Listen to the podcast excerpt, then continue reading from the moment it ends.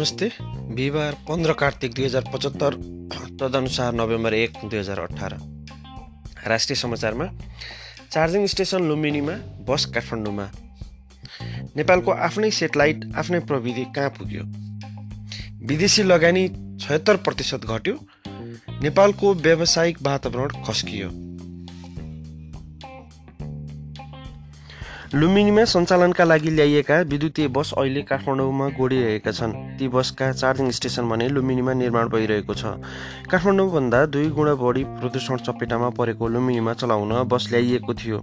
सरकारवालालाई थाहै नदिई एक्कासी बस काठमाडौँ पुर्याइएपछि यहाँ आक्रोश व्यक्त गरिएको छ। बसका लागि लाखौँ लगानीमा यहाँ ब्याट्री चार्ज गर्ने मेसिन जडान भएको छ। पर्यटन मन्त्रालयले एसियाली विकास ब्याङ्क एडिबीको सहयोगमा लुम्बिनी विकास कोषका लागि नौ जनवरी दुई हजार अठारमा विद्युतीय बस जिप र भ्यान उपलब्ध गराउने सम्झौता गरेको थियो। लुम्बिनीका लागि ल्याइएका बस सुटुक्क काठमाडौँ लगी प्रधानमन्त्री केपी शर्मा ओलीले उद्घाटन गरेका थिए। यसको यहाँ व्यापक विरोध भइरहेको छ। लुम्बिनी अन्तर्राष्ट्रिय अनुसन्धान केन्द्रको पूर्व र निर्माण निर्माणाधीन सभा हलको दक्षिणमा चार्जिङ स्टेसन बन्दैछ। एक सय साठी वा एक सय साठी वर्ग किलोमिटर क्षेत्रफलमा रहेका रुख बिरुवा हटाएर सफा गरिएको छ। निर्माण कम्पनी इसाका जापानका प्रतिनिधि यहाँ आइसकेका छन्। तिन साताभन्दा बढी लगाएर रुख बिरुवा हटाइएको कोषका निमित्त सदस्य सचिव तथा प्रोजेक्ट म्यानेजर सरोज भट्टराईले बताए। सोलर प्यान प्यानल र ब्याट्री कोलकातासम्म आइपुगेको र यहाँ उपकरण पनि आउँदै गरेको भट्टराईले सुनाए। साइट क्लियरिङ भइसक्यो। उनले भने अब दुई तिन सातामा सामग्री नेपाल आइपुगेपछि तीव्र गतिमा काम हुनेछ। जुलाई अठारमा सम्झौता भएको उक्त काम आउने फेब्रुअरीसम्म पुरा भइसक्नेछ। करिब बाह्र करोड रुपियाँ लागतमा बस चार्जिङ स्टेसन बन्न लागेको हो। चालु आर्थिक वर्षको पहिलो दुई महिना साउन र भदौमा एक अर्ब तेइस करोड रुपियाँ मात्र प्रत्यक्ष वैदेशिक लगानी एफडिआई मुलुक भित्रिएको छ। गत वर्षको सोही अवधिको तुलनामा यो करिब छयत्तर प्रतिशतले कम हो। दुई हजार चौहत्तरको पहिलो दुई महिनामा पाँच अर्ब दस करोड रुपियाँ एफडिआई भित्रिएको थियो। स्थिर सरकार बनेपछि राजनीतिक अस्थिरता अन्त्य भएको र विदेशी लगानी प्रोत्साहन हुने खालका नीति बनेकाले ठुलो मात्रामा विदेशी लगानी भित्रने अनुमान गरिएको थियो। तर चालु वर्षको पहिलो दुई महिनामा अघिल्लो वर्षको भन्दा धेरै कम मात्र विदेशी लगानी भित्रिएको छ।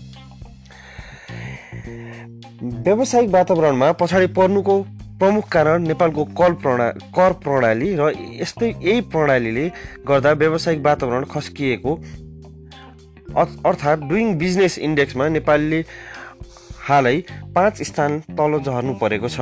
विश्व ब्याङ्कले सार्वजनिक गरेको डुइङ बिजनेस दुई हजार उन्नाइस प्रतिवेदन अनुसार नेपाल एक सय दसौँ स्थानमा परेको छ। अघिल्लो वर्ष एक सय पाँचौँ स्थानमा थियो। यो सूची सार्वजनिकसँगै विश्व ब्याङ्कले नेपाल व्यवसायका लागि अप्ठ्यारो देश भएको निष्कर्ष थालेको छ। नेपालका छिमेकी मुलुकहरू चीन भारत भुटान श्रीलङ्का नेपालभन्दा अगाडि छन्। व्यावसायिक वातावरणमा पछाडि पर्नुको कारण नेपालको कर प्रणाली नै छ जसलाई सुधार गर्नुपर्ने विश्व ब्याङ्कको सुझाव छ। एक सय नब्बे देशमा गरिएको अध्ययन अनुसार नेपालको कर प्रणाली अत्यन्तै झन्झटिलो छ। तिर्नुपर्ने करको प्रणालीको आधारमा नेपालको स्थान एक सय अन्ठाउन्न स्थानमा छ। कम्पनीले तिर्नुपर्ने करको सङ्ख्या बढाएका नेपालले बढाएकाले तिर्नका लागि खर्चिनुपर्ने समय पनि बढेको उल्लेख छ। दुई हजार सत्रको तथ्याङ्क अनुसार नेपालमा रहेका कम्पनीले उन्चालिसवटा कर तिर्नुपर्ने र यसका लागि तिन सय त्रिपन्न घन्टा समय लाग्ने बताइएको छ।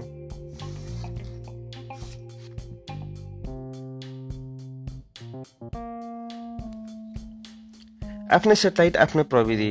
प्रधानमन्त्री केपी शर्मा ओलीले दुई हजार पचहत्तर साउन अठार गते डिजि आयोजित डिजिटल नेपाल सम्मेलनमा हरिण र सिंहको कथाबाट आफ्नो मन्तव्य सुरु गर्नुभयो। अफ्रिकामा हरेक बिहान हरेक बिउजन्छ उसलाई थाहा हुन्छ कि उसले सबैभन्दा द्रुत गतिमा दौडने सिंहसँगभन्दा पनि चाँडो दौडिनुपर्छ नत्र ऊ मारिनेछ। हरेक दिन हरेक बिहान सिंह बिउजन्छ उसलाई थाहा हुन्छ कि उसले सबैभन्दा ढिलो दौडने हरेडलाई उछिन्नुपर्छ नत्र ऊ भोकै मर्नेछ। आजको डिजिटल दुनियाँमा नेपालको स्थान कहाँ छ भन्ने कुराको अर्थपूर्ण बिम्ब हो यो कथा। आफ्ना दौतरी राष्ट्रहरूले छलाङ मारिसक्दा पनि दुई दशकमा नेपालमा किन आर्थिक वृद्धि हुन सकेको छैन। हामी भुटान लाओस र अफगानिस्तानभन्दा पछि परेका छौँ जो नेपाल जस्तै भूपरिवेष्टित मुलुक हुन्। हामी श्रीलङ्का र पाकिस्तानभन्दा पछि परेका छौँ जुन मुलुकहरू सशस्त्र द्वन्द्व तथा आतङ्कवादबाट प्रभावित बनेका छन्। राजनीतिक आर्थिक नीति प्राकृतिक विपद असुविधा लगायतका मामिलामा हामीले दोषारोपण गर्न छाड्नुपर्छ। कनेक्टेड सञ्जालद्वारा जोडिएको कनेक्टेड नेपाल निर्माण निम्ति हामीले अरूलाई उछिन्नुपर्छ। संयुक्त राष्ट्रसङ्घको तिरतौँ तिरत्तरौँ महासभामा प्रधानमन्त्री ओलीले नेपालमा भर्खरै भएको राजनैतिक परिवर्तनले नेपाललाई सार्वभौम र राज्य सत्ताको स्रोतका रूपमा स्थापित गरेको बताउनु भएको छ। नेपाल कसरी डिजिटल रूपमा सार्वभौम बन्न सक्छ? जब हाम्रो कनेक्टिभिटी एक्सेस पोइन्ट पहुँच बिन्दु भनेकै भारत र चीन मात्र छन्। हामीलाई यस्तो कनेक्टिभिटी चाहिएको छ जुन अवाञ्छनीय अनि स्वायत्त होस्। नेपाल टेलिकम अन्तर्राष्ट्रिय टेलिकम्युनिकेसन युनियन आइटियुको प्रतिवेदन अनुसार नेपालको ब्रोडब्यान्ड कनेक्टिभिटी बिस प्रतिशतभन्दा कम छ। हामी मुलुकलाई पछाडि छाडेर कसरी डिजिटल प्रगति गर्न सक्छौँ। विश्व ब्याङ्कको विश्व ब्याङ्कको अनुसन्धानले जनाएअनुसार ब्रोडब्यान्ड विस्तारमा प्रत्येक दस पोइन्ट दस प्रतिशतको पोइन्ट वृद्धिको फलस्वरूप विकासोन्मुख मुलुकहरूको कुल ग्राहस्थ उत्पादनमा एक पोइन्ट तिन आठ प्रतिशतले वृद्धि हुन्छ। बादलमा चाँदीको घेरा हुन्छ भने चाहिँ अन्तरिक्षमा नेपालका लागि पनि आश गर्ने ठाउँ छ। मुलुकको विकास सम्बन्धी आवश्यकता र भौगोलिक अवस्थालाई मध्यनजर गर्दै समतामूलक पहुँचका निम्ति आइटियुले जियो स्टेसनरी स्लट वा अर्बिटल स्लटलाई सीमित तथा दुर्लभ स्रोतका रूपमा उपलब्ध गराएको छ। यी अर्बिटल स्लटहरू मूलत सञ्चार तथा प्रसारणको प्रायोजनको प्रयोग प्रायोजनार्थ प्रयोग गरिन्छ नेपाललाई आइटियुले सन् दुई हजार सन् उन्नाइस सय चौरासीमा पचास ई तथा एक सय तेइस दशमलव तिन इमा दुईवटा स्पेस अर्बिटल अर्बिटल स्लट उपलब्ध गराएको थियो। मुलुकका लागि यो अनुपम तर समयबद्ध अवसर हो। यद्यपि हामीले त्यसको आय पर्जन आएपर्यन्त सदुपयोग गर्न सकेका छैनौँ। दूरसञ्चार सेटेलाइट भू उपग्रहलाई डाटा सञ्चार सञ्चारण गर्न आवश्यक पर्ने निश्चित फ्रिक्वेन्सीका अर्बिटल स्लटका लागि विश्वभरका मुलुकहरू हकदार छन्। यी स्लट र सम्बन्धित फ्रिक्वेन्सी नेपालका लागि अनन्तकालका लागि छुट्याइए तापनि कालान्तरमा अन्य राष्ट्र तथा निजी निकायहरूले छिमेकी स्लटहरूमा बढीभन्दा बढी सेटेलाइट निर्माण गर्दै जाँदा त्यसको फलस्वरूप नेपालमा भावी सेटेलाइटको कार्यक्षमता कमजोर बन्नेछ। जबसम्म नेपालले आफ्नो सेटेलाइटको निर्माण तथा समन्वय गर्ने छैन। यो जोखिम नेपालको डिजिटल सार्वभौमिकता तथा दूरसञ्चार संरचनाका निम्ति खतरा हो। यदि हामीलाई अग्रगामी छलाङ मार्नु छ भने हामी कदापि यस्तो हुनु दिनु हुँदैन। सेटेलाइट एक यस्तो तयारी अवस्थाको डिजिटल संरचना हो जसले शासन शिक्षा स्वास्थ्य सेवा पर्यटन कृषि प्राकृतिक विपद लगायतका थुप्रै पक्षलाई उल्लेखनीय रूपमा प्रभावित तुल्याउन सक्छ। यस्ता सेवाहरूलाई डिजिटाइज गरी यस गरी यस प्रविधिले जुनै पनि स्थानमा हाम्रा औँलाका टुप्पामा उपलब्ध गराइदिन सक्छ। फाइबर अप्टिक र माइक्रोवेभ जस्ता हाम्रा अन्य विकल्प रहे विकल्पका रूपमा रहे तापनि तिनलाई तैनात गर्न यथेष्ट समय लाग्नुका साथै नेपालको चुनौतीपूर्ण भूबनोटका कारण यस प्रकारको लास्ट माइल कनेक्टिभिटी यहाँ सम्भव देखिँदैन। सबैका निम्ति उन्नत डिजिटल कनेक्टिभिटी हासिल गर्न नेपालसँग आफ्नै अन्तरिक्ष कार्यक्रम प्रारम्भ गर्ने अनुपम अवसर छ।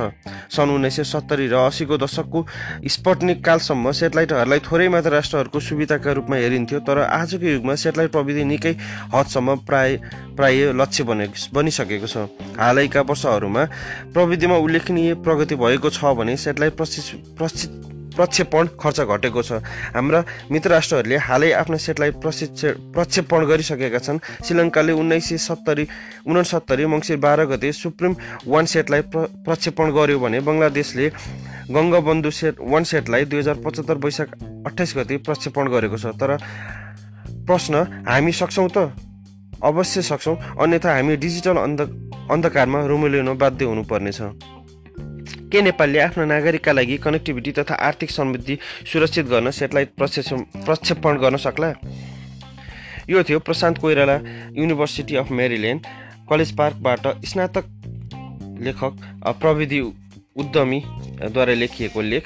आजका हाम्रा तिन प्रमुख समाचारहरू हामीले कान्तिपुर दैनिकबाट लिएका थियौँ। धन्यवाद।